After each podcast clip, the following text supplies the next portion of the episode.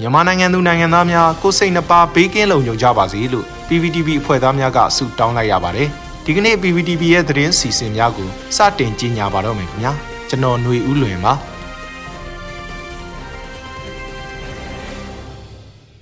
ပထမဆုံးအနေနဲ့အမျိုးသားညီညွတ်ရေးအစိုးရ NUG ရဲ့ပြည်ထောင်စုဝန်ကြီးတွေနဲ့ဂျပန်လွှတ်တော်အမတ်တွေအစည်းအဝေးကျင်းပပြုလုပ်ခဲ့တဲ့သတင်းကိုတင်ဆက်ပေးသွားမှာဖြစ်ပါတယ်။ မနေ့ကဇူလိုင်လ6ရက်နေ့မှာအမျိုးသားညီညွတ်ရေးအစိုးရ NUG ရဲ့ပြည်ထောင်စုဝန်ကြီးတွေနဲ့ဂျပန်လွှတ်တော်အမတ်တွေအစည်းအဝေးတရက်ကျင်းပပြုလုပ်ခဲ့ကြပါတယ်။အစည်းအဝေးသို့ NUG အစိုးရမှလူသားချင်းစာနာထောက်ထားရေးနဲ့ဘေးအန္တရာယ်ဆိုင်ရာစီမံခန့်ခွဲရေးဝန်ကြီးဌာနပြည်ထောင်စုဝန်ကြီးဒေါက်တာဝင်းမြတ်အေးကျန်းမာရေးဝန်ကြီးဌာနပြည်ထောင်စုဝန်ကြီးဒေါက်တာဇော်ဝေဆိုးဒုတိယဝန်ကြီးဒေါက်တာရွှေဘုံအပြည်ပြည်ဆိုင်ရာပူးပေါင်းဆောင်ရွက်ရေးဝန်ကြီးဌာနပြည်ထောင်စုဝန်ကြီးဒေါက်တာဆာဆာတို့တက်ရောက်ခဲ့ကြပြီးဂျပန်နိုင်ငံမှာအောက်လွှတ်တော်အမတ်မစ္စတာအီချီယိုအီဆာဝါ ဥက္ကဋ္ဌဂျပန်မြန်မာချစ်ကြည်ရေးပါလီမန်အမတ်များအဖွဲ့ဒုဥက္ကဋ္ဌမြန်မာဒီမိုကရေစီအရေးကိုအားပေးသောပါလီမန်အမတ်များအဖွဲ့အထက်လွှတ်တော်အမတ်မစ္စတာမီချီဟီရိုအီရှိဘရှိထွေထွေတွင်ရမှုမြန်မာဒီမိုကရေစီအရေးကိုအားပေးသောပါလီမန်အမတ်များအဖွဲ့မစ္စတာယူကာတာနာယာဇူကီ Vice President Japan Myanmar Friendship Association CEO မြန်မာဂျပန်ကုမ္ပဏီ Limited မစ္စတာတိုရှီယိုတနာဘေးအလွတ်တန်းသတင်းတောက်တို့တက်ရောက်ခဲ့ကြတယ်လို့သိရပါတယ်။မြန်မာနိုင်ငံအတွက်အရေးပေါ်လိုအပ်နေတဲ့ လူသားချင်းစာနာထောက်ထားမှုအကူအညီတွေထိရောက်စွာရရှိရေးစစ်ကောင်စီရဲ့အကြမ်းဖက်မှုကြောင့်နေရက်စွန့်ခွာတိမ်းရှောင်နေရတဲ့ဒုက္ခသည်တွေကိုကူညီနိုင်ရေးအမျိုးသားညီညွတ်ရေးအစိုးရ NUG ကိုအတိမတ်ပြုဖို့ဂျပန်နိုင်ငံအစိုးရအားတိုက်တွန်းပေးရင်းနဲ့မြန်မာနိုင်ငံမှာဒီမိုကရေစီစနစ်ပြန်လည်ကျင့်သုံးနိုင်ရေးတို့ကိုဂျပန်နိုင်ငံကတတ်နိုင်တဲ့နည်းလမ်းပေါင်းစုံနဲ့ဆက်လက်အပိထောက်ခံဖို့စတဲ့အကြောင်းအရာတွေကိုဆွေးနွေးခဲ့ကြတယ်လို့သိရပါတယ်။ ဂျပန်အောက်လွှတ်တော်အမတ်မစ္စတာအီချီယိုအီဆာဝါကစစ်တပ်ကမဲမတ်တမာမှုအကြောင်းပြချက်နဲ့အာဏာသိမ်းခဲ့မှုဟာလက်ခံနိုင်ကြမရှိကြောင်းမြန်မာနိုင်ငံရဲ့2020နိုဝင်ဘာရွေးကောက်ပွဲတရားမျှတမှုရှိသည်ကိုကဘာကလက်ခံထားပါကြောင်းရွေးကောက်ခံကိုယ်စားလှယ်များအပါအဝင်တိုင်းရင်းသားလူနည်းစုများပေါင်းဝင်ဖွဲ့စည်းထားတဲ့အမျိုးသားညီညွတ်ရေးအစိုးရ NUG ကိုယုံကြည်ပြီးအခြားအစိုးရမြန်မာနိုင်ငံတွေမရှိဘူးယုံကြည်ပါကြောင်းအမျိုးသားညီညွတ်ရေးအစိုးရဟာလက်တွေ့ကျတဲ့အစိုးရဖြစ်ကြောင်းမြန်မာပြည်သူတွေရဲ့တက်တည်ပြသမှုကြောင့်ဂျပန်ကကူညီမိဖြစ်ကြောင်း ဂျပန်ရဲ့ ODA အထောက်အပံ့များသည်အာဏာသိမ်းစစ်တပ်ကိုကူညီဖို့လက်နက်ပံ့ပိုးဖို့အတွက်မဟုတ်ဘဲမြန်မာပြည်သူတွေအတွက်ပညာရေးစေဝါကုသရေးအတတ်ပညာပိုင်းဆိုင်ရာအကူအညီနဲ့အစားအသောက်အတွက်ကူညီဖို့ဖြစ်ကြောင်းဂျပန်နိုင်ငံရဲ့ ODA အထောက်အပံ့ရပ်ဆိုင်းမှုဟာစစ်တပ်ကိုအကျိုးမပြုစေရန်သာဖြစ်ပြီးပြည်သူအကျိုးကိုထိခိုက်မည်ကိုစိုးရိမ်ကြောင်းပြည်သူကိုတိုက်ရိုက်အကျိုးပြုစေမည့်နည်းလမ်းများကိုရှာဖွေလှုပ်ဆောင်ရန်ဖြစ်ကြောင်းပြောကြားခဲ့ပါတယ်။အလားတူဂျပန်အထက်လွှတ်တော်အမတ်မစ္စတာမီချီဟီရိုကလည်း အာဏာသိမ်းစစ်တပ်ကိုစန့်ကျင်ခြင်းရှုတ်ချခြင်းနဲ့ပတ်သက်၍အားလုံးကအတည်ပြုခဲ့ကြောင်းအတိုက်ခံတဲ့အာဏာရပါတီအားလုံးကတပြိုင်နက်ထောက်ခံခဲ့ကြခြင်းဖြစ်တာကြောင့်မြန်မာပြည်သူများအတွက်အထောက်အကူပြုမယ်လို့ယုံကြည်ကြောင်းစစ်တပ်ကိုလက်နက်ရောင်းချခြင်းမပြုကြရန်နဲ့ဒုက္ခရောက်နေသောမြန်မာပြည်သူများကိုစားအသောက်ဆေးဝါးထောက်ပံ့ကူညီရန်လည်းအတည်ပြုခဲ့ကြကြောင်းပြောကြားခဲ့ပါတယ်။ အဲဒီနောက်မြန်မာပြည်သူများအတွက်ထိရောက်တဲ့ကူညီထောက်ပံ့မှုများကိုလက်တွေ့အကောင့်ထဲပေါ်ရန်နီလန်းများကိုလည်းလွှတ်တော်အမတ်များနဲ့အစည်းအဝေးတက်ရောက်လာတဲ့မြို့သားညီညွတ်ရေးအစိုးရရဲ့ဝန်ကြီးတူးဝန်ကြီးတွေကဝိုင်းဝန်းဆွေးနွေးအဖြေရှာခဲ့ကြတယ်လို့သတင်းရရှိပါတယ်ခင်ဗျာ။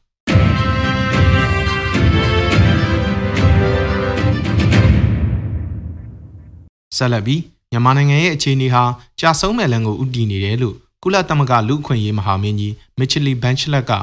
ကုလသမဂ္ဂလူ့အခွင့်အရေးကောင်စီမှာပြောဆိုလိုက်တဲ့သတင်းကိုတင်ဆက်ပေးသွားမှာဖြစ်ပါတယ်။ဆွစ်ဇာလန်နိုင်ငံဂျီနီဗာကုလသမဂ္ဂဌာနချုပ်မှာအင်္ဂါနေ့ကကျင်းပတဲ့ကုလသမဂ္ဂလူ့အခွင့်အရေးကော်မရှင်ရဲ့48ကြိမ်မြောက်ပုံမှန်အစည်းအဝေးအတွင်းမြမအရေးဆွေးနွေးပွဲမှာကုလသမဂ္ဂလူ့အခွင့်အရေးမဟာမင်းကြီးမစ်ချလီဘန်ချလက်ကမြမအခြေအနေကိုဖတ်ကြားတင်သွင်းခဲ့တာဖြစ်ပါတယ်။စစ်တပ်အာဏာသိမ်းပြီးနောက်မှာမြန်မာနိုင်ငံရဲ့လူ့အခွင့်အရေးအခြေအနေဟာဗတ်ပေါင်းစုံကဆုတ်ယုတ်လာနေပြီးပြည်တွင်းစစ်ပုံမကျေပြန့်လာနိုင်တယ်လို့ကြာရှုံးနိုင်ငံဖြစ်ဖို့အလားအလာတွေလည်းပိုများလာတယ်လို့ ကုလသမဂ္ဂလူ့အခွင့်အရေးဆိုင်ရာမဟာမင်းကြီးကတတိပေးလိုက်တာပါ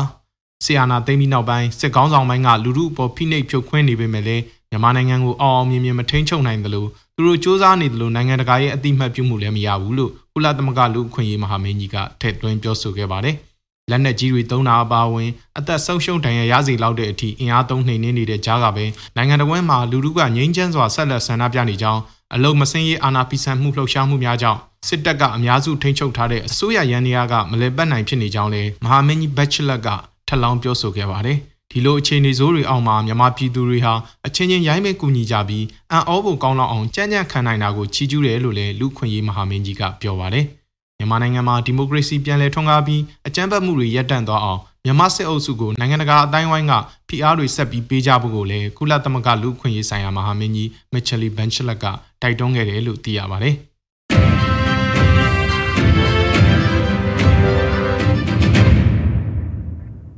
ဆက်လက်ပြီး7 July နေ့မှာအကြမ်းဖက်အာဏာသိမ်းစစ်ကောင်စီကိုရန်ကုန်မန္တလေးအပါအဝင်မြန်မာနိုင်ငံတဝန်းကမြို့ကြီးတွေမှာစန့်ကျင်ဆန္ဒပြခဲ့တဲ့သတင်းကိုတင်ဆက်ပေးသွားမှာဖြစ်ပါတယ်။ရန်ကုန်မြို့မှာစစ်ကောင်စီအကြမ်းဖက်တပ်တွေကဖမ်းဆီးမှုတွေရှိနေတဲ့ကြားကပဲ7 July အထိမ်းအမှတ် စစ်အာဏာရှင်ပြုတ်ကြရေးအတွက်လူငယ်တရာဝန်းကျင်လောက်ဟာမဟာဗန္ဓုလလမ်းမပေါ်မှာဒီနေ့မနက်ပိုင်းကချီတက်ဆန္ဒပြခဲ့ကြပါတယ်။7ဇူလိုင်စိတ်တက်ကင်ဆွဲတိုက်ပွဲဝင်ကြစစ်အာဏာရှင်စနစ်ကိုရရနီးနဲ့အမြင့်ပြတ်ချေမှုန်းကြဆိုတဲ့စရန်တွေကင်ဆောင်ထားတဲ့ဒီလူငယ်တွေဟာဖက်စစ်စစ်တပ်အမြင့်ဖြတ်ဆိုတဲ့ကြွေးကြော်တဲ့နဲ့အတူဆန္ဒပြခဲ့ကြတာဖြစ်ပါတယ်။မန္တလေးမြို့မှာလည်းဒီနေ့မနက်ပိုင်းက9ရက်9လ1962ကိုမမေ့ကြနဲ့ဆိုတဲ့ဆိုင်းဘုတ်တွေကိုကင်ဆောင်ပြီး7ဇူလိုင်အထိမ်းအမှတ်စစ်အာဏာရှင်စန့်ကျင်ရေးတပိတ်မှောက်ဆန္ဒပြခဲ့ကြပါတယ်။ အလားတူပဲမုံရွာချောင်းဦးမြင်းကြံဒဝယ်စတဲ့မြန်မာပြည်အနှံ့ကမြို့ရွာတွေမှာ7ဇူလိုင်နေ့အထိမ်းအမှတ်စစ်အာဏာရှင်စန့်ကျင်ရေးလှုပ်ရှားဆန္ဒပြမှုတွေဆောင်ရွက်ခဲ့ကြတာတွေ့ရပါတယ်။လွန်ခဲ့တဲ့1962ဇူလိုင်လ9ရက်နေ့ကရန်ကုန်တက္ကသိုလ်ကျောင်းသားတမကအစာဦးရှိမှာငင်းချမ်းစွာအခွင့်အရေးတောင်းဆိုခဲ့ကြတဲ့ဆန္ဒပြကျောင်းသားတွေကိုနေဝင်းဥဆောင်တဲ့စစ်အစိုးရကအကြမ်းဖက်ပြစ်ခတ်ဖြိုခွင်းလို့ကျောင်းသားတွေတွေးမိကြခဲ့ရတာဒီနေ့ဆိုရင်59နှစ်ရှိခဲ့ပြီလည်းဖြစ်ပါတယ်။ ပြည်ထောင်စုသမ္မတမြန်မာနိုင်ငံတော်အမျိုးသားညီညွတ်ရေးအစိုးရက59နှစ်မြောက်7ဇူလိုင်အခမ်းအနားကိုတဝန်လွှာတရက်ပေးပို့ခဲ့ပါတယ်။အဆိုပါတဝန်လွှာအပြည့်စုံမှာ1ယနေ့ဇူလိုင်လ9ရက်နေ့သည်ဗမာနိုင်ငံလုံးဆိုင်ရာကျောင်းသားတမကများအဖွဲ့ချုပ်အပါအဝင်စစ်အာဏာရှင်စနစ်ကိုတပ်ဦးမှတော်လှန်ခဲ့သောကျောင်းသားလူငယ်သူရဲကောင်းတို့၏9ရက်9လ1962တွင်သွေးမြေခခဲ့ရသည့်အောင်းမေ့ပွဲအထိမ်းအမှတ်59နှစ်မြောက်အခါသမယဖြစ်သည် အမှန်တရားနှင့်တရားမျှတလွတ်လပ်ခြင်းအတွက်ထိုကဲ့သို့ခေတ်အဆက်ဆက်ဘဝနှင့်အသက်ကိုပေးဆက်ခါလက်ဆင့်ကမ်းတိုက်ပွဲဝင်ခဲ့ကြသည့်ကျောင်းသားလူငယ်တော်လှန်ရေးရဲဘော်အပေါင်းအားအမျိုးသားညီညွတ်ရေးအစိုးရကလေးစားစွာဥညွတ်ဂုံပြုအပ်ပါသည်နှစ်မြန်မာနိုင်ငံတော်ဝန်ရှိအနေနဲ့အရရက်မှတိုင်းရင်းသားလူမျိုးပေါင်းစုံပါဝင်သောလူငယ်များဖြင့်ဖွဲ့စည်းထားသည့်ကျောင်းသားသမဂ္ဂများသည်ဘိုလိုနီစနစ်ကိုစန့်ကျင်ရာတွင်ရှေ့တန်းမှတိုက်ပွဲဝင်ခဲ့ကြသည် မြန်မာလွတ်လပ်ရေးနှင့်ပြည်ထောင်စုတည်ထောင်ရာတွင်အဓိကအခမ်းကဏ္ဍမှပါဝင်ခဲ့သည့်ခေါင်းဆောင်များစွာကိုလည်းမွေးထုတ်ပေးခဲ့သည်ရင်းကဲ့သို့တမိုင်းအဆက်ဆက်မတရားမှုကိုစန့်ကျင်တော်လှန်ရာတွင် အစဉ်အလာရှိခဲ့သည့်အတိုင်း1962ခုနှစ်မတ်လ2ရက်နေ့ကဗိုလ်ချုပ်နေဝင်းဦးဆောင်သည့်တော်လှန်ရေးကောင်စီကအာဏာသိမ်းပြီးနှစ်ရက်အကြာမတ်လ4ရက်နေ့တွင်ចောင်းသားသမဂ္ဂများကကန့်ကွက်ကြောင်းပူးတွဲကြေညာချက်ထုတ်ပြန်ခဲ့သည်အမှန်တရားနှင့်တရားမျှတမှုဘက်မှ ခိုင်မာစွာယက်တည်ခဲ့ကြသည့်ကျောင်းသားလူငယ်များကိုစစ်အာဏာရှင်တော်လှန်ရေးကောင်စီကဇူလိုင်လ9ရက်နေ့တွင်ရက်ဆက်စွာတပ်ဖြတ်ခဲ့ရာအပြစ်မဲ့ကျောင်းသားလူငယ်ယာနှင့်ချီ၍ကြာဆုံးခဲ့သည်ခေတ်ဆက်ဆက်ကျောင်းသားနိုင်ငံရေးလှုပ်ရှားမှုများ၏အထိတ်အမှတ်သင်္ကေတဖြစ်သည့်တမကအစာအုပ်ကိုပါဘုံခွဲဖျက်ဆီးခဲ့သည်၃အလားတူ2021ခုနှစ်ဖေဖော်ဝါရီလ1ရက်နေ့တွင်လည်းပြည်သူအာဏာကိုအကြမ်းဖက်စစ်ကောင်စီကအတ္တမသိမ်းယူခဲ့ပြန်သည်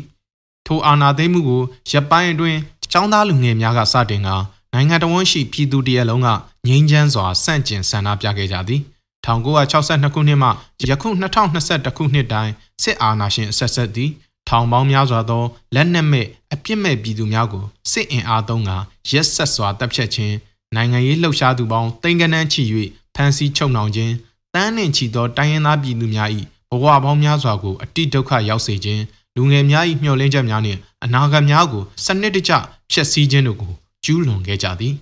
၄ထို့သောစစ်အာဏာရှင်အဆက်ဆက်၏နှစ်ပေါင်း60မျိုးဆက်၃ခုကြာမြလက်နက်အားကိုဖြင့်ဖိနှိပ်နိုင်ခြင်းကဘဝနှင့်အသက်အိုးအိမ်စည်းစိမ်များကိုဖျက်ဆီးခြင်းခံခဲ့ရတော့လဲအတိတ်သမိုင်းမှကြောင်းသားလူငယ်များ၏အမှန်တရားကိုချစ်မြတ်နိုးသည့်စိတ်ဓာတ်မတရားမှုကိုစန့်ကျင်တော်လှန်ရသည့်တတ္တိတို့သည်ယနေ့တိုင်ဆက်လက်ရှင်သန်ဆဲဖြစ်သည် ယခုလက်ရှိစစ်အာဏာရှင်စန့်ကျင်တော်လှန်ရေးလှုပ်ရှားမှုများကိုလည်းလက်ဆင့်ကမ်းဆက်လက်စိတ်ဆော်ပေးလျက်ရှိသည်လူငယ်များ၏တရားမျှတသောဒန်းတူညီမျှသော Federal Democracy ပြည်ထောင်စုစိတ်ကူးအိမ်မက်အားចောင်းသားလူငယ်အားလုံး၏တမကစိတ်သက်ပြည်သူလူထု၏အင်အားတိုင်းရင်းသားလူမျိုးပေါင်းစုံမှခေါင်းဆောင်အားလုံး၏အတွေ့အကြုံနှင့်ပေါင်းစပ်ခါအကောင့်အထည်ဖော်ဆောင်သွားနိုင်မည်ဟုမုတ်ချယုံကြည်ပါသည်လို့ပါရှိပါတယ်ခင်ဗျာရေတော်ဘုံအောင်ရမည်ရေတော်ဘုံအောင်ရမည်